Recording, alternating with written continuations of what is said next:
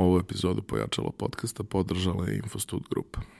Poštovani slušalci i gledalci Pojačalo podcasta, dobrodošli u 62. epizodu. Ja sam vaš domaćin Ivan Minić, a danas je moja gošća Ana Bjelobrk-Jović. Zdravo Ivane, hvala na pozivu. A, Ana je e, polovina Tako je. jednog vrlo zanimljivog i neobičnog biznisa koji je, kažem, krenuo od nekog hobija, ali je prerastao nešto jako, jako interesantno. A, ako niste čuli, onda izgooglajte pa ćete vidjeti ili oslušajte epizodu do kraja pa će vam sve biti jasno. Ali u pitanju je nešto što se zove pub quiz. Tako je. Tako je, suprug i ja smo pokrenuli uh, organizaciju pubquiz.rs i veoma kratko mi se bavimo organizacijom kvizova po pubovima, lokalima, kao i team buildingsima za firme, znači to nam je onako neki osnovni biznis, najkraće moguće rečeno. Dobro, ali znaš kako mi ovde obično, ovaj, kad krećemo u, u, priču, krećemo od toga šta je mala Ana da bude kad poraste, zašto nije postala to ili je postala, pa se to baš nije ispostavilo tako kako je zamislila. Šta ono prethodi o celoj Mala priči? Ana je htela da bude arheolog ili pevačica. ili jedno Vrlo ili zanimljiva Da, kombinacija. da, da, da, pa ovaj, da. Ovaj, arheolog nisam postala iz čisto finansijskih razloga, normalno, ovaj, to je, shvatila sam da ću čekati 50 godina da dođem do para za, da kopam 5 meseci i da onda još 50 godina tražim pare. Ovaj, pa sam otišla na nešto što je fon, što je priča ono čisto, da kažemo, ovaj, komercijalna, korporativna, da kažemo. Ovaj, završila sam fakultet, zaposlila se u korporaciji, u marketingu, Meka i Medina za ovaj marketing, nećemo pomenuti korporaciju, ali svi znamo koja je to korporacija. Ovaj, I tamo sam provela nekih šest i po, sedam godina dok nisam shvatila da želim da se bavim nečim drugim, odnosno želim da se vratim u onaj pevačica delu, ovaj, pa sad na pub kvizovima i možete mene čuti kako pevam. Eto. U, u suštini, ta kombinacija arheolog-pevačica uopšte nije bila loša, jer je pevačica mogla da zaradi da bi arheolog Jeste, mogao jeste. da, Nije, da nije mi kopa. to odmah palo na pamet, možda je trebalo tebe da pitam još davno, ali dobro. To, ja sam idealan da preporučim nekome da radi dva posla, ono, 18 sati dnevno, spali se i nakon šest meseci kao šta sad? E, sad idi u šumu i traži, Gaji ono, ovce i tako. traži smisao života jedno mesec dana, pa će sve biti, sve biti Da. okej. Šta su bilo tvoje interesovanje? Ljudi koji su kvizomani, obično imaju jako široka i neobična interesovanja. Tako je. S tim što mi nismo kvizumani. To je ono što je poenta. Mi nismo iz ono ekstremne ljubavi prema kvizovima pokrenuli ovaj biznis, već iz toga što smo ovaj, davno, davno, mislim da je bila neka 2010. 11 neki Austrijanac ili Australijanac je održao neka dva, tri kviza na Senja, koji mi smo tada bili s igrom slučaja. Ništa nismo znali. Taj kviz je bio potpuno suvoparan, ono sa koliko je visok najviši most na svetu, što je ono realno, realno pitanje koje nikoga ne zanima, ali smo se mi stvarno super proveli, bez obzira i na pitanja, i na atmosferu i ostalo. I od tada postoji ta ideja da je to možda zaista zanimljiva i dobra priča da se pokrene. Tako da mi nismo ono pravi kvizaši, kvizaši ili kvizomani kako, kako, ovaj, kako se zovu, nego smo baš ljudi koji su u ovome videli dobru biznis ideju, a svidelo nam se i uživamo u tome što radimo. Upravo zato što nismo baš kvizomani, naš pub kviz je malo drugačiji, odnosno on nije test, on je više zabava, a izaći ćete ono veoma nasmijani, razigrani, raspevani, a naučit ćete i nešto novo. To je ono što je nama otprilike kako izgleda naš kviz. Što se tiče interesovanja, ako me o tome pitaš, ono su zaista bila, jesu veoma široka, ali ne toliko kao kod kvizumana, tu moram da se ogradim, oni su ipak ovaj, mnogo pametniji ljudi od mene. Pre desetak godina, sada već 11-12, mi smo ovaj, prosto posredstvom okolnosti e, da je naša majka firma tada za, za, za Burek e, imala pravo da a, licencu za tada Conquistador, kasnije Triviador, mm -hmm. mi smo to doneli ovde i kao kao neko ko jako voli kvizove sa ekipom ljudi oko sebe koja takođe jako voli kvizove i jednim kolegom koji je i učestvovao po slagalicama i svim ostalim i pobeđivao i tako dalje. Verovatno ga znamo sada, da. Ne. Ovaj, smo kao seli napravili neku ideju kako bi to trebalo da bude, napravili neku inicijalnu bazu pitanja. Oni su nam dali neka pitanja, ali ta pitanja su to kao vrlo neka suvoparna baza koja je okej okay da ti popunjava ali s vremena na vreme moraš da imaš neke stvari koje su jako, jako interesantne i simpatične i tako dalje. I eto je moje omiljeno pitanje. Moje omiljeno pitanje inače ovaj, e, kako se zvao u, ubica kralja Aleksandra u, u Marseju i sad ponuđeni odgovori su tipa e, Haris Džinović, Vlado Georgijev, e, ne znam, e, Plamen Petrov i tako nešto. I tačno odgovori Vlado Georgijev. Ali kao svi, svi pogrešno odgovori jer ih povuče kao pa nema, nemoguće. Kao, ovaj, no, no dobro. Uh, jako puno vremena smo kao proveli tražiti tako nešto. Pustili smo to, reakcije su bile super. Prvih x meseci smo imali uh, neki od najlepših mailova koje smo dobijali, jer je to bila varijanta skupi se cela porodica igra. Uh mhm. -huh. Mislim da porodice više nisu takve, da se dosta toga promenilo u ovih deset godina, da se skupi cela porodica pa gleda YouTube, ovaj, Tako ali da. da. i, i muću sa čaletom. Ovaj, ali to mi je bilo fas, fas, fascinantno, Ovaj, jer sam se negde setio perioda kad smo mi, moja porodica, dok sam ja bio klinac, igrali razne te board gameove, asocijacije, slične stvari i mnogo mi nekako fali to sve danas. Ne ove komplikovane board gameove koje sad ono kao odrasli, da. zli odrasli ljudi igraju, ono kao da treba ti sediš pored njih jedno tri dana dok pokvataš pravila pa onda probaš da igraš i budeš najgori. Nego te neke bazične ono razne pitalice, razne varijante, asocijacije i slično, i kao potpuno mi je bilo žao što, što je to negde izumrlo i negde mislim da smo ga malo oživeli bili kroz tu priču a onda je to zainteresovalo profesionalne kvizomane. Mm -hmm. I to je bilo strašno. to je bilo strašno. Količina sujete, Jest. količina uh, onako nekih vrlo znaš, po, pobedite dete i onda ti izvređaš to dete zato što te na sreću da. pobedilo, pa dobro, mislim, i sreće je legitiman faktor u celoj I u krajnjoj liniji nije ni bitna pobeda, zar ne? Pa, Ove, ovaj. zavisi kako kako. Nažalost, ni, naravno, nisu svi takvi, ali naše iskustva su poprilično slična sa pojedinima u, u, u tom, tom delu. Prosto je nama bilo to možda najšokantnije, pošto od takvih ljudi bi možda očekivao potpuno suprotne stvari, jer se bave nečim što je znanje, što je nešto potpuno drugačije od onoga što je, ne znam, da kažemo, gledaju reality. Znači, to je potpuno drugačija sad jedna stvar i sad možda, neću da generalizujem, ali bi od onoga ko gleda reality očekivao da se ponaša i razgovara taka. Međutim, i na ovom drugom delu vidiš da postvarno postoje ljudi koji, ne znam, valjda im je to njihovo znanje kompenzovalo neke druge stvari ili komplekse u životima. Stvarno, opet kažemo, građujem se, nisu svi takvi. Ove, ali oni koji jesu umeju da budu poprilično agresivni, da. Kako ste vi, kad ste razmišljali, dakle, dakle imali ste iskustvo, videli ste kako je to neko organizovao i nije vam se svidelo, ali vam nije bilo loše. Da. Kako ste osmislili da to bude, da vam bude dobro, a da vam se isto svidi? Pa e, prvih dve godine samo kviza od 2013. negde početka januar, februar je bio do 2015. mi smo u stvari isprobavali koncept, isprobavali različite verzije kviza, e, pitanja, kako treba da budu koncipirani ili ne. U svakom slučaju, gledali smo ka, šta je to što najviše leži ljudima, koji tip pitanja, kako da ih podelimo, u koje oblasti, na koji način e, da se vodi sam program i tako dalje i tako dalje. Tako da smo iskoristili dobrih dve godine da dođemo do ovoga što imamo danas, što se zove Basic, naš osnovni kviz, koji se sastoji iz tih osam oblasti i tačno znamo na koji način, koja je težina pitanja, kako postavljamo pitanja, da to prosto najširim mogućim masama bude najprihvatljivije. Ovaj, e, jer uvek to ponavljamo, nije nam cilj da promovišemo nauku kod naučnika. To je ono stvarno najlakša moguća stvar koju možeš da uradiš i nema potrebe da se trudiš. Naprotiv, cilj nam je da najšira moguća populacija, za koju nikada ne bi rekao da bi se zainteresovala za kviz, dođe i vidi da je to nešto sasvim cool i da možda bude fantastičan izlazak sa društvom koji je ono potpuno nešto drugačije. Eto, tako smo ga doveli, a sad što se tiče same izvedbe na licu mesta, ona se svakako razvijala tokom vremena.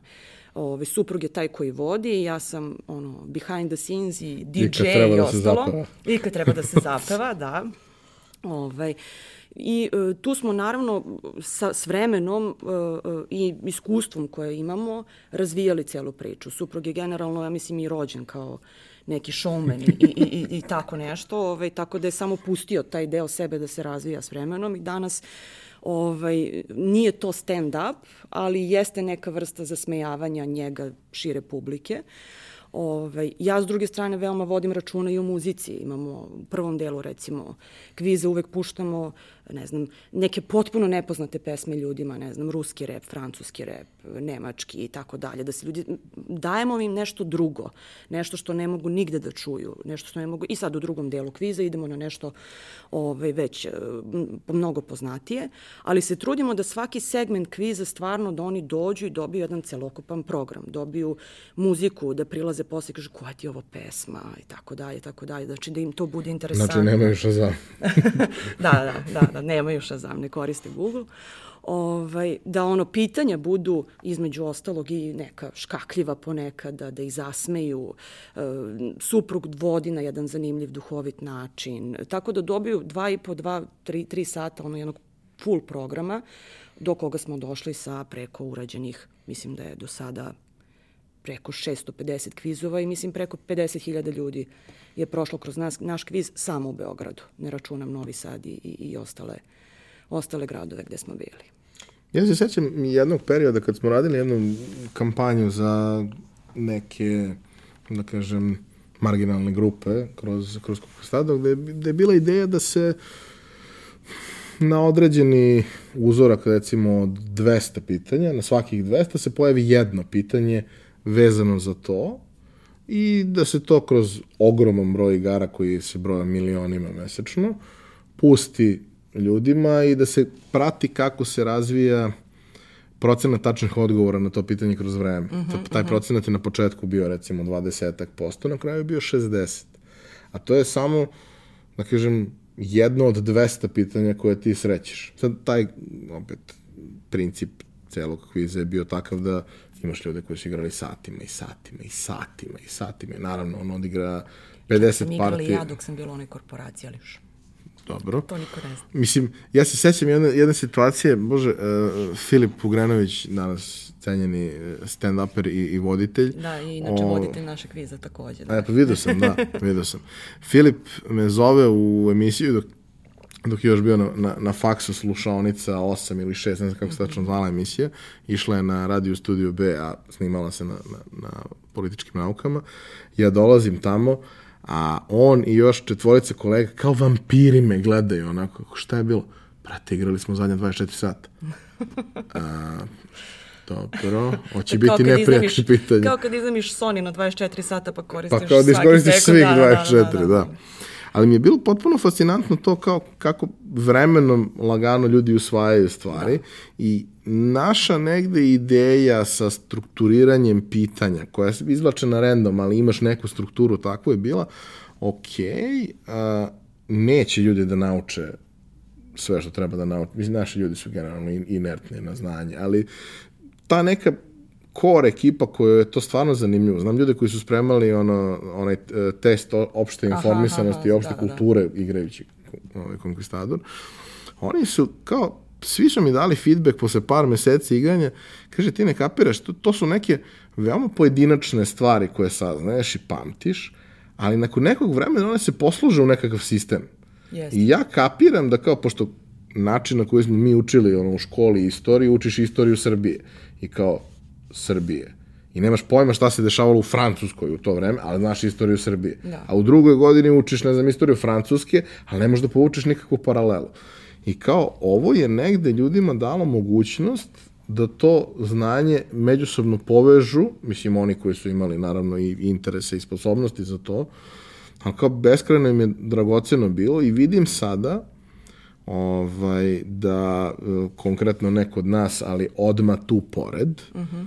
To postaje nastavno sredstvo. Uh mhm. -huh. Imaš kvizove za klince u osnovnoj Jeste. školi koji su deo domaćih zadatka gde oni to igraju i to mi je to mi je s te strane potpuno fantastično. Jeste, mislim, čak smo i mi radili u saradnji sa, sad pogrešiću, to je neko za ravnopravnost, neka kancelarija, ne znam tačno kako se zove. Radili smo sa klinicima 15-godišnjacima.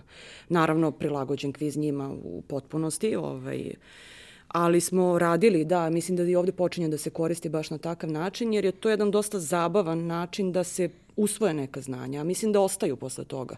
To je ono što, zato što prosto svakome je drugačija stvar, naravno, svakome je drugačije pitanje, ali ti ostane. Znači, neka ti ostane dva, tri pitanja, odnosno dva, tri odgovora od toga i to je super. Da ne pričam da se dešavalo da mlađe generacije su poprilično onako ako se nije desilo u njihovo vreme, nije postojalo i mnogo je dosadno. Jasno. Ovaj, je ono što me recimo najviše raduje da ti klinci dolaze i kažu jao što sam pogledao onaj film što ste postavili pre neki dan, morao sam da vidim, baš me interesu što je to dobar film, a to film i 70 neki. Ove, ovaj, tako da, Ili 90 i neki. I to je staro, da, da, da. Ove, ovaj, dobro, 70 neka čak i za mene bilo starije, da se ogradimo. Ove, ovaj, ali u svakom slučaju to je nešto što da, svakoga dotakne nešto drugačije, ali mu ostane, možda nikad neće iskoristiti sutra, ali svakako ovaj, e, nijedno znanje po meni stvarno nije nešto što, što se baca, proširuje ti bar malo negde. Um, razmišljanje, pogled ili šta god. Ko zna u kakvoj situaciji će to negde da tako klikne je, tako i je. da bude vrlo, vrlo korisna tako stvar. Je, tako. A, kako je izgledao prvi put? da, Prvi put. Prvi put ovaj, sam počela ja kviz, iako suprug vodi kviz, zato što je imao toliko tremu da nije mogao da ustane sa stolice. Danas ljudi koji ga znaju, njima to potpuno neverovatno zvuči. On je danas malo i navučen na mikrofon. ovaj, tako kada napravimo pauzu u januaru ili letnju nešto, on ovaj, tako već pred kraj viče, pa nedostaje mi malo sada vođenje kviza. Možda podcast da... Mo, možda, da, da, da, da. U pauzi. Ove, u svakom slučaju, taj prvi put je bilo, došlo je, mislim, 15 naših drugara. E, spremali smo kviz e, pitanja, e, jedno 50 pitanja je bilo, spremali smo ravno tri dana, to je bilo ludilo, ali je na kraju ispalo. Sreća živa pa su to bili naši drugari i dali su nam stvarno ovaj, punu podršku u svemu tome od starta, ovaj, ali je stvarno bilo veoma, danas mi je jako žao što to nismo snimili, odnosno što nisam snimila Srđana koji ovaj, sedi i viče, ja ne mogu da ustanem, molim te, počne kviz, obrati se ljudima. Mislim, to su nam kumovi. znači, ne niko drugi. Tako da prvi kviz i današnji kviz, to su stvarno, nema dodirnih tačaka ni po pitanjima, ni po načinju vođenja, ničemu. Ali svakako su dragi uspomene. A kako strukturalno, da kažem, funkcioniše? Šta su delovi uh mhm. -huh. i e, šta su neki preduslovi koje, ne znam, lokacija treba da ispuni da bi uopšte to moglo da se, da se dešava na pravi način? Lokacijski, e, bitno je znači da ima naravno tehničke uslove, ali to ostavimo po strani. Što se tiče lokacije, jedino što je bitno znači da to bude izjedna jedna prostorija gde možeš da, odakle mogu svi da te vide. Jer naš tip kviza nije tip kviza gde će neko sedeti u ćošku za laptopom i menjati pitanja. Ove, i gde možda i nećeš zapamtiti voditelja kviza. Naš tip kviza je upravo suprotan voditelj. Stoji ispred publike i vodi taj ceo program. Tako da je neophodno da ljudi učestvuju, on je interaktivan, samim tim moraju da ga vide. Ovaj, sam kviz se sastoji iz osam oblasti i to su osnovne oblasti. Film, istorija, muzika, sport, geografija, e, imamo dva puta neke razno teme, šta god nam padne na pamet. Ovaj, I uh, uvek imamo pauzu, imamo prvih četiri oblasti, pauza, pa onda ostali četiri oblasti. Tako da je to negde ovaj koncept, a muzička runda je ono nešto što je kod nas dosta specifično, jeste to što tada puštamo neke mnogo lake pesme, eh, neke pesme koje svi znaju i onda ih pozivamo da pevaju sa nama na mikrofon, da izađu, da to budu kao i neke nazovi karaoke. Zvuči Eto, zastrašujući. Da. Jel da? A, ako pričamo o, o broju ljudi, dakle, to treba da bude open space nekakav, da. odnosno, mislim, da. open space u, kon, u, kon, a, u odnosu na nekakvu kancelariju, da, da kažem, da, da nije ali... iscepkan prosto prostor iz više Da to prostorija. bude, da kažem, nekakav zajednički prostor gde, gde ste svi u vidnom polju, a broj ljudi koji u tome učestvuje pa najviše ljudi koliko smo imali na našem kvizu je bilo 300, tako da Dobro. najmanje je bilo 15 na prvom kvizu. Ove, ali sad u poslednje vreme prosek je nekih 80, da kažemo. Eto, to je prosek, sad ume da ide i do 130, 140, zavisno da li možda neki tematski kviz, ako radimo posebno tematski kviz, tipa, ne znam, Seksi grada, Harry Pottera, Friends kviza, superherojskog kviza, sportskog i tako dalje, tako da imamo razne tematike. Ovaj, znači, 80 je negde prosek, da kažemo, eto, po kvizu. Kako izgleda vaša priprema?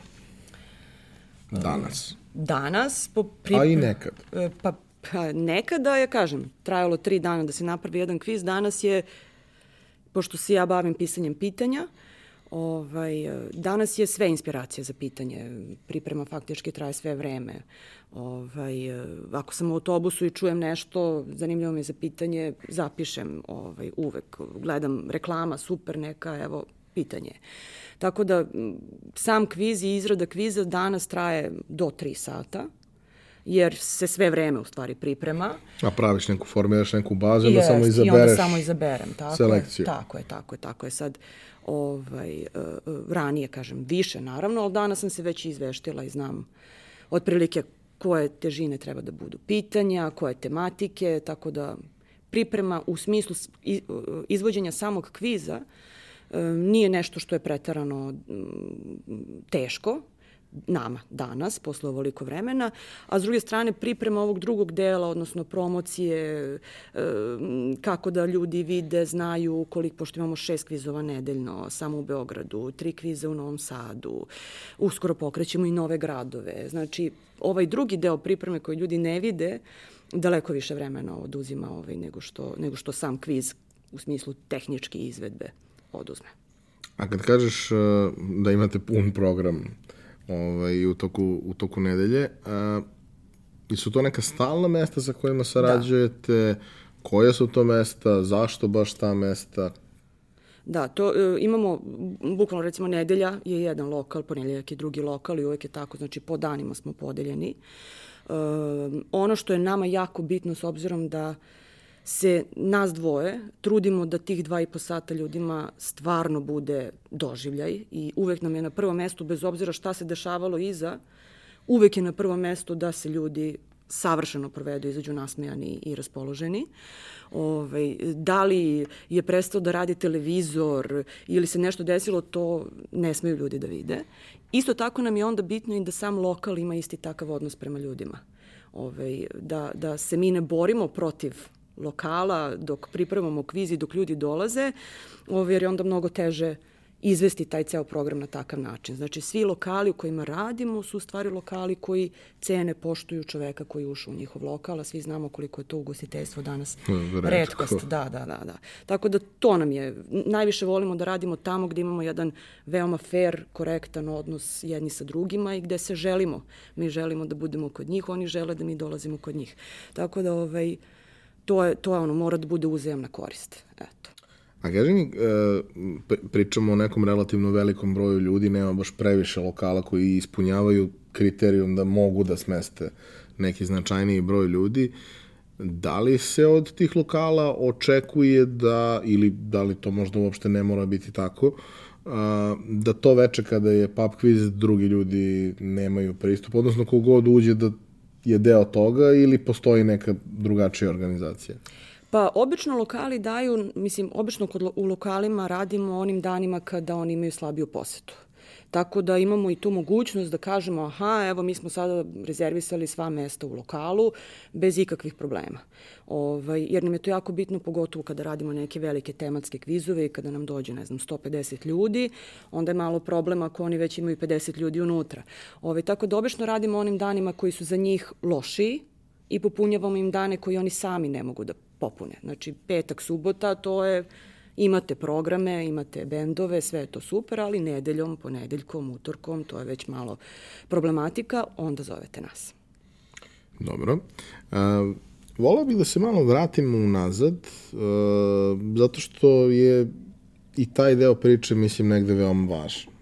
Dakle, ti si uh, iz neke prilično ozbiljne korporativne priče u kojoj si gradila svoju poziciju i imala lepu poziciju, odlučila da izađeš iz toga i da se baviš kvizovima i da budeš preduzetnica i to je neki uh, karijerni skok koji mnogi žele da naprave. Ja se sećam još sa, sa projektom moje firme koliko mi je prijatelja iz korporacije reklo jao što bih ja voleo, ali žena, deca, rata za stan, rata za auto, Jeste. rata za letovanje, rata za šta god. Svakakve rate, da. Ovaj, kod nas je vrlo teško s jedne strane napraviti tu odluku, nije nam, kod većine, nije nam iznutra to baš tako isprogramirano, a sa druge strane čak i oni koji bi napravili to vrlo redko dobijaju bilo kakvu vrstu podrške zajednice, koliko god to, znaš, kao ti si dve godine to već radila, to ne da ima proof of concept, nego, da. znaš, to postaje već ozbiljna priča. Opet je to, nemoj sine, molim te. stalan posao, plata prvog, ćuti, radi, nema veze, tako je. To je onako kako, kako generalno ljudi gledaju, da. Um, ja sam započela svoju karijeru poslovnu upravo tako kako kažeš. Završila sam fakultet, prosek iznad 8, sve super, korporacija, idemo karijera, korak po korak, tamo gradiš sebe, gradiš svoje odnose i politički i ovako i onako, sve su to korporativne priče. I bar u prvih nekih možda dve, tri godine, pošto sam kao mlada se zaposlila tamo, osjećala sam da nešto zaista i dobijam, da nešto zaista ta korporacija vredi meni lično. Ne samo u smislu financija, nego i u smislu znanja, iskustva koje dobijam i svih ostalih stvari. Međutim, već posle dve, tri godine sam počela da osjećam da ono što ja dajem korporaciji i ono što meni korporacija vraća, opet kažem, ne samo finansijski, postaje sve više odvojeno. E sad, sve, onda sam posle, to, to je prvi korak kada, kada ovaj, osjećaš tako nešto. Drugi korak je u stvari da shvatiš, odnosno bar sam ja tako shvatila, to je moje, lično iskustvo, da čak i da je sve potaman, da čak i da je sve super u toj korporaciji i da ja dobijam tačno ono što želim od te korporacije, ja ne bih bila zadovoljna.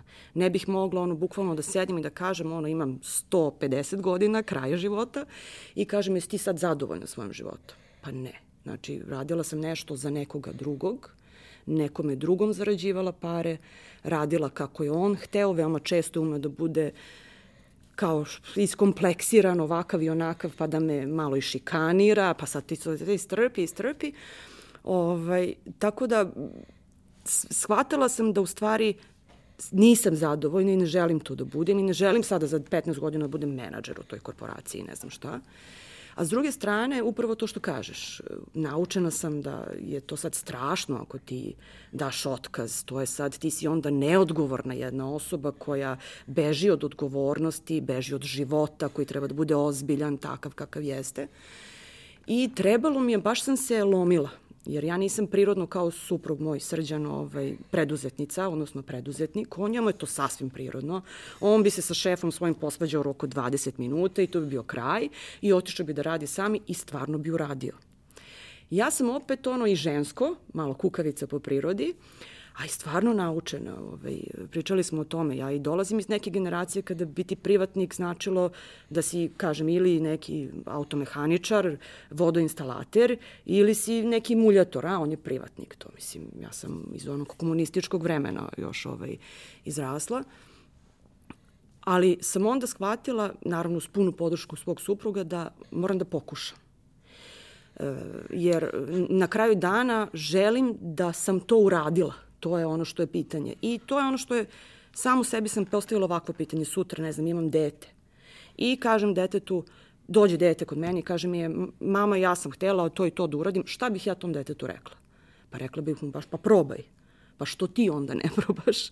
Tako da, ovaj, onda sam samo i sebi rekla, ok, znači, idem da probam, pa sad, ako ne uspe, ovaj, pa naći ću neki drugi posao, pa nije to sad smak sveta. Naravno. A s druge strane, jedna rečenica koju mi je Srđan rekao mi je odzvanjala, a to je uloži tih 15-16 sati koliko radiš za tu korporaciju sad u ovo. Gde ćemo biti? I to je upravo to sledeći korak koji je trebao da ti kaže otprilike ona rečenica koju je Jobs rekao Skali ovaj, u, u Pepsiju kao da li želiš ceo život da prodaješ šećernu vodicu da. ili hoćeš sa mnom da menjamo svet. O, da, tako, ali bukvalno je ono kao to je taj moment u celoj priči. I da, osuda društva generalno je stvarno ogromna. E, neslaganje je ogromno rođena majka sa mnom nije razgovarala dva meseca, osim da me na svakih pet dana pozove da me pita da li sam dobro, dobro si, ispusti mi slušalicu, to je to. E šta bismo mi dali neki u takvu situaciju? Skoro, evo, pre nelju dana sam srela jednog drugara koji mi je tek sad, evo, treća godina kako sam ja to uradila, tek sad mi je priznao ja sam svima govorio da si ti luda. E, tako da svi su govorili da sam luda, da nisam normalna, zavisno od toga kako su oni sklopa ili kao što si ti imao slučaj da ljudi iz korporacije pričaju ej ja bi, šta ti misliš, odjednom si ti neki guru za preduzetništvo, odjednom se svi tebi obraćaju, šta ja da radim, šta da ne radim, tako da svako iz svog ugla tu posmatra, neko te smatra ludom, a neko hrabrom, ono kao, u, pa kao i ja bih voleo tako, pa šta misliš sada ti, pa kao nemoj mene da slušaš, molim te, čekaj prvo da ovaj, ja odradim ovo svoje, pa onda. Ali ono što je meni recimo e, interesantno u tvom uh, slučaju, vrlo često kada mi krećemo u takvu neku priču, pa bude nemoj sine, molim te, ovaj, ti krećeš od nule u tu priču. To je ono kao, krećeš sa vrlo neizvesnim ishodom. U tvom slučaju, pa nije to baš bilo toliko neizvesno. Bilo je samo pitanje koliko će to dati rezultata, ali vi ste već funkcionisali. Jest, jest. Već ste imali potvrdu toga svega, već ste imali prijatelje koji su videli da je to dobro, da, da to radi, da... Da, u tom momentu su bili to i više od prijatelja, ovaj, bilo je to već razvijeno. Ja sam se svakako bavila tim, tim, tim ovaj, pub kvizom i dok sam radila u, u toj korporaciji, ali ovaj, naravno mnogo manje, nisam mogla 100% sebe da dajem. Um, nije to sada biti, svako ko je verovatno preduzetnik zna u stvari koliko je to neizvesna priča, a koliko je u stvari izvesna. Jer jednom kada prezupčiš taj moment uh, straha od nepoznatog i tog, ovaj, um, Englezi imaju odličan izraz za to leap of faith. Jednom kad ga skočiš, ti onda shvatiš da ne postoje granice. I da, da nema nazad. I nema nazad. Nema nazad ne zato, samo zato što, ovaj, što si sada negde neko tetera pa kao ne dati nazad, nego zato što ti ne bi mogao da se vratiš nazad. Tako Meni je sada ideja da se vratim od 9 do 9, 10 uveče posao i radim za nekoga. Potpuno jedno, zašto? Zašto bih? Ja sad imam i slobodu, kreativnost izlazi, dolazi do izražaja. Svaka prepreka, nema ih malo i nema malo problema. Svako ko se bavi ovim poslom u tom smislu, ne ovim poslom našim, nego preduzetničkim, zna koliko problema dolazi. Zna da dolaze ono stvari koje, za koje misliš da ono, o, ovo, je sad, ovo sad neću prevazići. O, evo, kako ću sad ovo? A vidi me za tri meseca. Vidi me za tri meseca. Tako da kada jednom to preskočiš, faktički veoma je lako posle toga. Ja kad, kako pričamo, znaš, ono, vrlo su to teški razgovori. Tako što sa mlađim ljudima koji su stvarno dali ono celog sebe emotivno i to se sad nije se sve desilo kako su oni zamislili i prolaze kroz neki pakao kroz koji ti sa strane kad gledaš, a, a prošlo si kroz 15, ono, da. kad gledaš sa strane kad šta ti je, za mesec dana će sve da bude okej, okay, ali njemu je tih okay, mesec dana nešto... Ne okej, nego ćeš za mesec dana iskoristiti tu lošu situaciju da budeš stepenik više. I ne. to je ono što je super. I kao, ali, znaš, njemu je to najstrašnija stvar na svetu, jer se prvi put susreće sa tome Jeste. i naš, ono, kao slogan svega ovoga što radimo nije mi ćemo sad vas da izlečimo. Nećemo, vi ste svi ludi, to, i mi smo svi ludi, da. sve to jest, ali nismo sami. Jeste. Ima nas još ovakvih i onda da, ono, anonimni alkoholičari, anonimni preduzetnici sednu u krug, lepo se isplačemo jedni drugima ispozajmljujemo za PDV i sve se na kraju završi kako treba. Ali taj moment, uh, kao, ali ja sam mislio da će to biti drugačije. Jedina sigurna stvar je da ćeš raditi ko konj. Da. Ali ćeš raditi za sebe i po nekim svojim uslovima. Tako je. Kao, nema sad to kao, e, super, mi smo sad ovo napravili, to pustimo i to sve bude kako treba. To, to ne postoji. Da bi postao čovjek preduzetnik, da bi stvarno se odlučio da tako nešto radi. Mislim da prvo stvarno mora da se upozna sa time šta je preduzetnički posao. Neka odsluša, evo, svih 62 emisije čuće. Ovaj, e, to uopšte nije lak put, ni malo. S druge strane, osim toga što mora da zna taj posao do tančina i to čime hoće da se bavi, mora da istraži do tančina i e, konkurenciju i sebe i finansijske konstrukcije, on stvarno mora da bude siguran u tu ideju koju želi, jer za nju će morati da izgara. Za nju će morati da stane eto pred mamu i da kaže mama, kao što je moj suprug rekao, ja želim da se bavim kvizom. O, ludi sine, idi zaposli se. Ne, mama, ja u ovo verujem. Koliko god to svima izgledalo ludo. Znači, toliko moraš da veruješ u ideju, da moraš da staneš ispred svih i da kažeš ja sam to, doviđenja. Pored toga, mislim da ono što je mnogo bitnije, moraš psihički da se pripremiš sam sebe na to što te čeka. To znači da moraš da upoznaš sebe, da znaš gde su ti e, mane karakterne, da li si možda kukavica, pa ne donosiš lako odluke. Svi bismo mi volili da smo sad najhrabriji mogući, svi smo preduzetnici, sve je to super.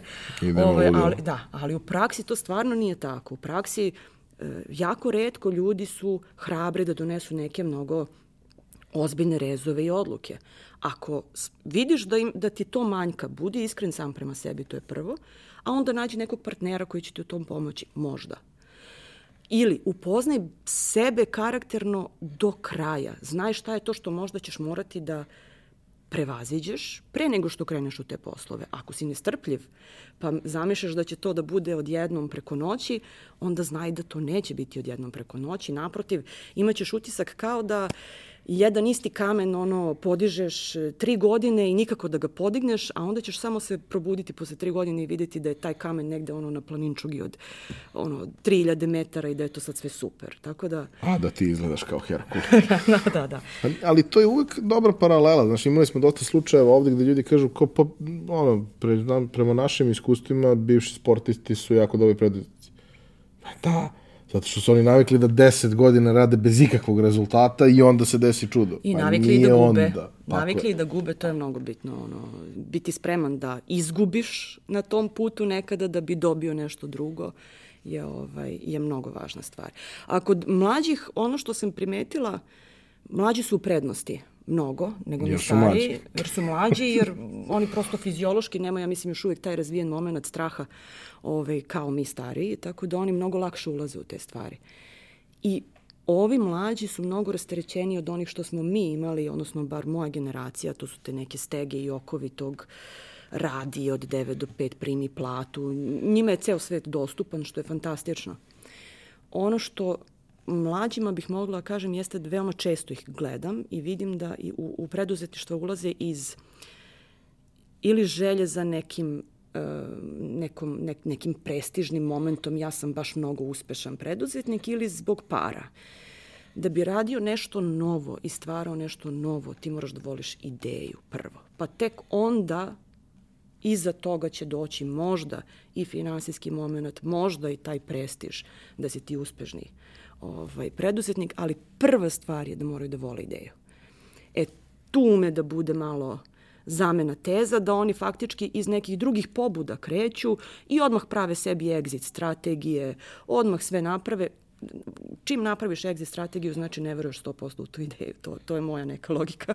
Znači, nema exit strategije dok ne daš 1800% sebe. Eto. Hmm, sećam se te jedne rečenice ovaj, koju ja neretko citiram u malo drugačijem kontekstu, koja kaže, uh, kao, pitali su uh, Uh, mislim da se čovjek zove Amir, uh, on je founder Todoista, jedne od najpopularnijih aplikacija za to-do management na telefonu, webu i svemu ostalom. Sjajna priča, sjajna kompanija, uh, sjajan tim ljudi, sve, sve, sve. I kao u nekom intervju gde on objašnjava šta, kako, gde, kao šta je vaša izlazna strategija. Kao sve aplikacije su u fazonu kao prodaćemo se nekome i kao to je I on kaže smrt je izlazna strategija.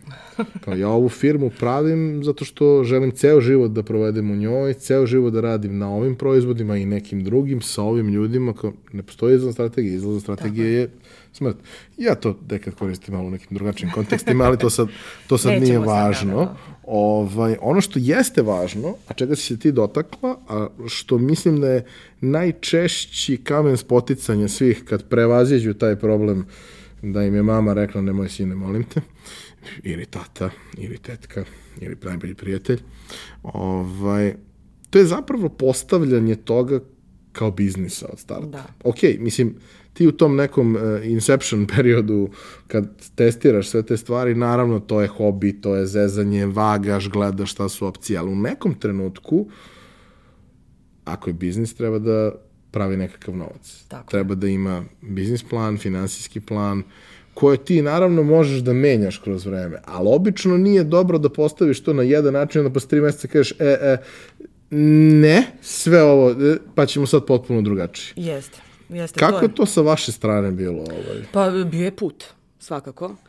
Ovaj, e, moram priznati da se divim ljudima koji su to uspeli da urade od starta, koji su te stvari postavili to je čista slučajnost. Mislim, gledajući sad iz ove perspektive, stvarno je bilo ovaj, trnovito, pogotovo što je potpuno nova stvar. Znači, niko se time nije kao biznisom bavio uh, ne u Srbiji, nego u regionu. Tako da nismo imali na koga da se ugledamo nikako, od koga da pa čak i ukrademo nešto, ono steal with pride, ajde da kažemo tako. Znači ništa nismo mogli to da uradimo, eventualno smo gledali nešto, bilo i u Americi su bile neke organizacije koje nisu ni približno nešto što može nama da odgovara. Tako da smo sve izmišljali novo. Znači, kako ćemo da naplaćujemo, kada, koja će to cena biti, kako će to izgledati. Sve je to bio veoma trnovit put i uh, stvarno je bio, bio jedan moment kada smo mi promenili način naplate, odnosno to je možda naš najveći izazov bio do sada, a to je kada smo od besplatnog postali nešto što, zašto se ne plaćuje učešće na kvizu.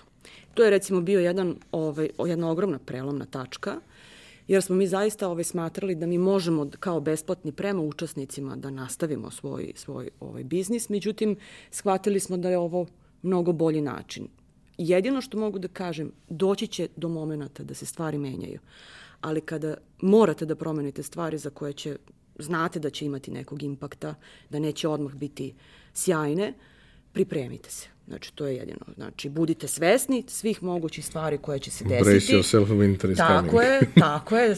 Pridrži se, nećete oduvati vetar, samo sačekaj da, ovaj, da, da prođe i sve će na kraju biti ok. U svakom slučaju, veoma je normalno da nemaš pojma, pogotovo kada je nešto novo, sa čime ćeš se susresti, e, koje ćeš probleme imati. Prosto nemaš odakle te stvari da naučiš. Ne postoji knjiga ne postoji e, ono ispit na fakultetu koji možda položiš, a da ti to da.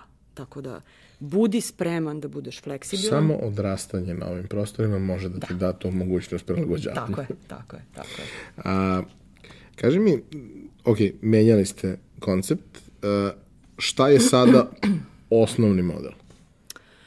Osnovni model e, koji sada razvijemo je um, um, sada trenutno na čemu radimo uh, jeste širenje kviza po Srbiji, odnosno širenje po svim gradovima, da imamo svoje ekipe koje rade u svim gradovima. Uh, I uh, ubacili smo tematske kvizove koji su osim ovog osnovnog, koji su kao osnovni kvizovi, klasični kvizovi su nam naravno ono bread and butter i to je sve i sja, ali tematski kvizovi su nešto što dovodi ljude koji možda i ne bi došli na ove obične kvizove, tako da nam je to super širenje ciljne grupe. Uh, I ono što nam je sada trenutno najvažnije jeste pronalaženje ekipa koje će raditi ovaj, po gradovima, što nama lično i nije mnogo lako, s obzirom da moramo da nađemo neke ljude koji će biti i showmeni i organizatori. ne samo organizatori i ne samo neko ko će pročitati pitanja, nego neko ko će to baš i izvesti na sceni kako treba. Sceni, kažem, ko da smo u show biznisu, a možda malo jesmo. Ovaj, tako da nam je to negde uh, sada glavna stvar. Imamo Novi Sad koji funkcioniše ovaj, potpuno. Trenutno pregovaramo sa još jednim gradom, pa ćemo videti kako će to ovaj, ispasti. U svakom slučaju, danas naplaćujemo učešće uh, od učesnika, uh, radimo u lokalima gde, gde, gde, ovaj, gde želimo i gde se osjećamo dobrodošlo, a istovremeno razvijamo nove ekipe, nove ljude koji će moći da šire ovu priču, jer nam je stvarno ideja da Ono, jed, u nedelju dana u Srbiji se održava ono 50 različitih kvizova pod našom, po, pod našom, ovaj, pod našom kapom. To je, to je negde ono što je cilj. A kaže mi, e, zainteresovani eventualno ljudi iz drugih gradova ili možda i iz ovih koje već pokrivate i sa kojima pregovarate, a, šta treba da posjeduju, to si negde rekla. Da. Dakle, da to ima taj neki, tu neku komponentu malo zabavnijeg scenskog nastupa smisla za tako nešto i sa druge strane organizacione sposobnosti koje su jeli, da, preduslov da se to desi da, na kraju dana. A, šta oni dobijaju od vas? Šta se očekuje da oni urade osim organizacije na terenu? Šta se očekuje od njih, a šta oni dobijaju od vas? Od njih se očekuje izvedba to je na prvom mestu, izvedba i organizacija, pošto mi ne možemo biti u svim gradovima istovremeno, znači oni su zaduženi za to da pronađu gde će se to dešavati, naravno uz našu svesrednu pomoć, i sama organizacija na licu mesta. Oni dobijaju uh, kompletan know-how naših prethodnih sedam godina iskustva, znači dobijaju našu punu podršku, punu podršku što se tiče promocije, Kroz vaše kanale. Da, kroz naše kanale koji su ove, dosta, dobro, dosta dobro razvijeni i punu podršku što se tiče samih kvizova u smislu pitanja i svega, znači oni to dobijaju na gotovo. Njihovo je da uh, to izvedu na adekvatan način koji je u skladu sa našim standardima na, na, na licu mesta i da ljudi žele posle toga da im se vraćaju. To je ono što je mnogo bitno. Ali ideja je da to bude nekakav manje više franšizni moment. Manje više franšizni moment, da. Dobro. Da. Uh, kako ljudi mogu da vam se jave. Siguran sam da će biti zainteresovani, znam dosta čudnih ljudi iz raznih da? gradova po da, Srbiji. Dobro. dobro, javite se čudni ljudi. Mi čudne ljude volimo, da. Ovaj, uh, pubquiz.rs, pab, kviz, baš tako, da ne bi ljudi pisali pub quiz. Ovaj, e, slobodno na bilo koji od stranica, Instagram, Facebook, LinkedIn, uh, info.pubquiz.rs, mail, znači apsolutno kako god žele mogu da nas kontaktiraju, mi smo uvek otvoreni za za, za saradnju sa novim ljudima. E, pošto smo pokrili tu neku osnovnu, uh -huh. ovaj, osnovnu komponentu i pomenula se tematske kvizove, a, šta su neke najčešće teme, a, šta su neke najčešće nestandardne aktivnosti koje radite? Pominjala si team buildinge, tako. pominjala si tako neke stvari. Volio bih da podeliš malo priču o tome, jer to baš nije, da kažem, uobičajeno, a prema mojim iskustvima do sada, uh, uglavnom sa partnerima sa kojima sam radio, pa onda oni partnere pozovu na TikTok, ti ti buildizi su u suštini najdosadnija stvar na svetu, najčešće. Osim ako ne radimo mi. Šta je to što vi radite? Um, Pa ovako, što se tiče team buildinga, e, to je klasičan kviz, ali imamo kompletan spreman set pitanja koji tačno znamo u kom momentu koje pitanje postavimo, kako se odnosimo da um, ajde, ajde da pojednostavim, radila sam u korporaciji, znam šta su mane korporativnog uh, timskog duha, Uh, tako da tačno znamo na šta pucamo uh, da bismo razbili tu uštogljenost koja postoji na tim buildingzima i uopšte na korporativnim događajima, jer ljudi veoma redko izraze sebe u korporacijama. Veoma redko su, ako su, ne znam, e, veoma duhoviti u svom društvu, u korporaciji su najčutljiviji mogući ikada. E sad... Iz objektivnih da, razloga. Tako je, tako je. Ovaj, E sad, ono što se dešava na tih naših dva i po, tri sata jeste da mi upravo pokušavamo da uradimo suprotno. Da im dozvolimo uh, da budu ono što jesu, da se zabave i da sutra, preko sutra prepričavaju. Naj, najbolji možda je najbolji, najbolja preporuka koju smo mi dobili, ovaj, radili smo bili u jednoj korporaciji, pa je ta osoba koja nas je angažovala tu eh, otišla u neku drugu korporaciju i ponovo nas pozvala da radimo team building. I na sastanku je rekla sledeću rečenicu. Nikada nisam organizovala team building, a da mi ljudi deset dana posle toga prepričavaju događaje sa toga, i istovremeno svi ostali departmenti me vuku za rukav kad ćemo mi, kad ćemo mi. E, I to je ono što je meni bilo, rekla sam snimit ćemo te, ono, postavit ćemo, to je bukvalno po meni najbolja preporuka koju smo mi ikada mogli da dobijemo. A naj, da kažem, za nas najponosniji team building koji smo uradili je kada smo bili angažovani da odemo u Moskvu i da uradimo dva i po sata programa ono, našeg. Na to, ruskom. Na, na engleskom. na engleskom, ne na ruskom, iako sam možda mogla i na ruskom da prođem, možda malo, ali bi me provalili već posle 10 minuta. Dobro, to je, to je baš onako lepo. Volao bih, uh, pošto sam ja rekao moje omiljeno pitanje iz kviza, volao bih da kažeš ti neko omiljeno pitanje. Pa možda su malo previše škakljive, ne znam kakva ti je ova emisija. Mm, slobodno, slobodno. Uh, omiljena pitanja su u stvari stvarno škakljiva pitanja, ovaj, um, jer ljudi na njih najbolje reagovali. Recimo, pogotovo na tim bilnizima. Ono, staviš sliku nekog pornog glumca i najaviš ga uh, ko je sada ovo i oni su prvo ovako, pošto mislim o seksu se ne razgovara nikako nigde, o je kamoli u korporaciji i onda neko krene da vrišti od smeha, onda svi ostali krenu da vrišti od smeha što je on prepoznao, tako da najbolja pitanja su ta koje proizvedu neku takvu vrstu reakcije. Lavinu. Lavinu. Nažalost, lavinu ovaj, prouzrokuju tako malo škakljiva pitanja. Pa dobro, dobro, to je apsolutno okej. Okay. Evo recimo, Kegelove vežbe Suza. Suza, eto. Eto. Da. da. Evo, obično muškarci mišići, znaju. Evo, i ti mišići, znaš, tako jest. da. A, ja, ja volim, ja, ja razne gluposti gledam. Na, na, Ali veruj mi, žene ne znaju, muškarci obično znaju. Znam da žene ne znaju. Znam da žene ne znaju generalno razne neke čudne stvari. Muškarci tako istražuju, znaš, i onda shvate da, da, da. da sa druge strane dobro, ne dobro, postoji. samo vi istražujte, to je okej. Okay. Trudimo se. Ovaj, e, šta bih isto volao, da, negde smo dali ljudima vrlo jasnu sliku kako to sve izgleda. Ali ne znam koliko su mogli da skontaju kao to je aktivnost, ja recimo mogu da povučem paralelu sa stand-upima. Jer to jeste otprilike to celovečernji nekakav, celovečernja nekakva zabava i ovaj kod nas stand-up večeri nemaš jednog ko priča celo večer, da. nego imaš ceo, ceo program, ali kao to je to, ideš da se celo večer provedeš sa nekim drugim ljudima. A, koliko kod vas je ono kao neka stalna ekipa koja dolazi, a koliko su novi ljudi? I jedno i drugo. Znači, bilo bi strašno da nam se ne vraćaju stari ljudi, to bi značilo da nešto ne radimo kako treba, ali ovaj, e, konstantno imamo i nove ljude, zato što smo konstantno u nekoj vrsti promocije, jer kao što sam rekla, zaista želimo da ovo e, dođe do najšire moguće populacije, da svi znaju za ovo, e onda ćemo reći, ok, sad smo stali s promocijom. Do tada se promovišemo ove, ovaj, i stalno nam dolaze neki novi ljudi. I dalje je najbolje ono od usta do usta, to je najbolja preporuka svakako.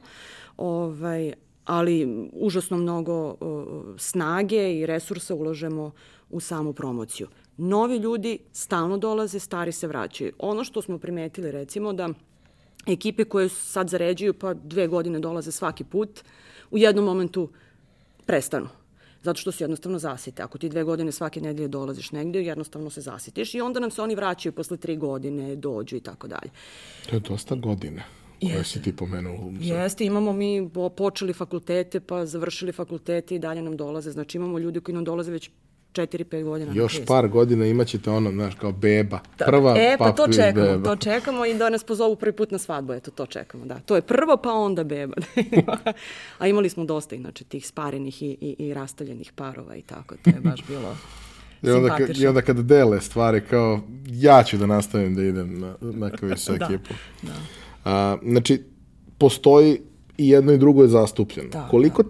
tebi u pripremi to predstavlja problem, izazov, uh, što znaš da će imaš stvari koje prolaze jako dobro i znaš da prolaze jako dobro, ali znaš da ne možeš da ih iskoristiš ponovo da. jer su ih ljudi Da, da uvek mi je žao to. To mi je, to mi je žao, ali uvek se trudimo da nađemo nove stvari. Uh, najteže u stvari je uh, naći za neka, neke, da kažemo, suvoparnije oblasti uh, koje ljudi baš i ne vole, kao što je književnost. Znači, književnost nam se pokazala, ono, stvarno niko ništa ne čita u Srbiji, to je, Jasno. to je stvarno onako. I onda je tu recimo... Čak ni lektiru. Koju lektiru? To ako je lektira, to se namerno ne čita, to ono, religija ne da da se čita. Ovaj, tako da je tu najteže stvarno naći neka nova pitanja koja nisu preterano teška ovaj, istorija tu i tamo, tu mogu da se nađu neke zanimljive činjenice koje, ako i ne znaju ljudi, dovoljno je zanimljivo da im je zanimljivo da čuju i da saznaju ali, ovaj, ali književnost recimo je najteža, ali ovo za razno, za ne znam, porno glumce, kegelove vežbe i ostalo, tu stvarno je mislim, nepresušan izbor. A ostale oblasti na koje ljudi reaguju? Sport, uvek sport, ovaj, apsolutno, i geografija. To, sport i geografija su, mislim, dve oblasti na koje ljudi uvek najviše pucaju da uzmu džokera, odnosno to znači da najbolje znaju. Da. Kad uzmu džokera, oni dobijaju nekako da, dodatne dup, bodove. Duple poene za tačne odgovore, tako je. Igra se timski? Timski, da. da. Kako izgleda tim? Uh, pa sad, um, tim je kogod, sa, sa kim god je vama lepo da provedete veče. E, nije bitno da se podelite pa sad jedan zna film, drugi zna istoriju, treći zna ovo, četvrti zna ono. Bitno je da dođete da se provedete. To je ono što je najbitnije a sve dalje od toga je ono... Ali timovi dolaze zajedno, zajedno. ili se formiraju na licu mesta? Ne, ne, ne, zajedno. Dole oni se prijavljuju kao tim. Koliko da. ljudi brojite? Uh, Nije fiksno? Minimum je, minimum je dva, najviše je šest, ali prihvatamo i sedam, osam, znači to nije nešto preterano. Ne držimo se striktno toga jer nismo, kažem, ni test, ni neko propitivanje, više smo zabava, što dokazuje i to da imamo recimo i nagradu za pretposlednju ekipu, ovaj, jer ne želimo da se taj drugi donji deo tabele ikako oseti loše zato što nešto ne zna, naprotiv. Baš želimo da nam se taj donji deo tabele na kraju uvek vraća na kviz. Ovaj, jer to je ta najšira populacija za koju biste rekli da ih to možda nikada ne bi interesovalo, a u stvari ih interesuje. Jer nam se pretposlednji i poslednje ekipe uvek uvek vraćaju. To je ono... ono interesuje ih, ali mislim da je suštinski to da su oni zaista pravili jedno jako lepo, zanimljivo veče. I nisu se izblamirali, što je najbitnije. Uh, mnogo su nam ljudi po tom pitanju strašljivi. Ovaj, uh, veoma često nam se dešava, ali možemo mi da dođemo da gledamo, malo da posmatramo, pa ćemo sledeći put da učestvujemo. Ne može, nemoj da se plašiš, niko te neće prozvati, nećeš izaći na... Niko neće uprti prstom u tebi i reći, o, ti ne znaš kad je bio kosovski boj. znači, to se neće desiti. Ovaj. Upravo zbog toga imamo te nagrade za pretposlednje ekipe i animiramo taj donji deo tabela, oni uvek dobijaju najviše aplauza, uh, najviše podrške i svega, da se ne bi osjećali glupo i kao, e, ja ništa ne znam. Pominjala si širenje po Srbiji, pominjala si da ste malo gostovali van granica, uh -huh. a, ali na početku si negde rekla da u principu ne postoji ništa ovakvo u regionu. E, tako je. E, jedna krovna organizacija koja se bavi pub kvizom kao takvim a, a, u različitim lokalima, različitim gradovima, ne postoji. U jednom momentu je postojala u Hrvatskoj. Ove, čak smo ostvarili ovaj neki kontakt sa njima i raz, razmišljali o nekoj vrsti saradnje, pardon, ali ovaj ali se ona ugasila pre nekih 2-3 meseca, ne znamo zašto. Ovaj e, sve ostalo e, ima jako puno kvizova u Hrvatskoj, recimo, mislim da možda mnogo više nego kod nas. Ovaj, ali su oni sve amaterskog tipa, ono, jedan lokal, neki entuzijasta u nekom lokalu to radi i to ume da funkcioniše, ne znam, i godinu, dve dana. Ali ovaj, u nekom momentu se prosto ugasi pa se promeni entuzijasta koji se time bavi. Ima puno, ali nema, nema nekih organizacija koje se ono bave isključivo time. A u svakom slučaju nema organizacija koja se bave time na ovaj način. A da li postoje neke ambicije sa vaše strane da probate ta neka okolna tržišta kao prvi korak ka daljem širenju. Ka globalnoj dominaciji. Tako je. Ovaj, uh, uh, svakako da postoji i razmišljali smo o tome, samo što bismo želeli prvo da ono, Srbiju podignemo na nivo koji, je, koji smo zamislili, da bismo onda krenuli dalje. Jer to su sad već neki drugačiji izazovi koje znamo da će nas čekati u, u tim delovima, tako da moramo prvo da ovde imamo bazu koja funkcioniše na zadovoljavajući način da bismo onda mogli stvarno da se bacimo u bitku sa svim drugim izazovima koje će nas tamo sigurno čekati. Koliko je bilo teško prvi put kada ste napravili tu neku varijantu franšizne saradnje? Uf, užasno. Užasno. Kada um, daleko bilo novosađani, ovaj, Minja i Ognjan koji rade su stvarno fantastični. Ovaj, ne mogu ništa da kažem protiv njih, ali e, to je vaše dete. dete I sad vi treba nekome da ga prepustite. Ne samo da ga prepustite, nego... A nije dete koje vas nervira, nego, nego dete koje volite. Koje baš volite, da, da. Ovaj, I onda sad baš treba da... Ne samo što uh, su oni novi o tome, nego što prvi put to rade. Oni su na nivou srđana koji sedi i ne može da ustane sa stolice.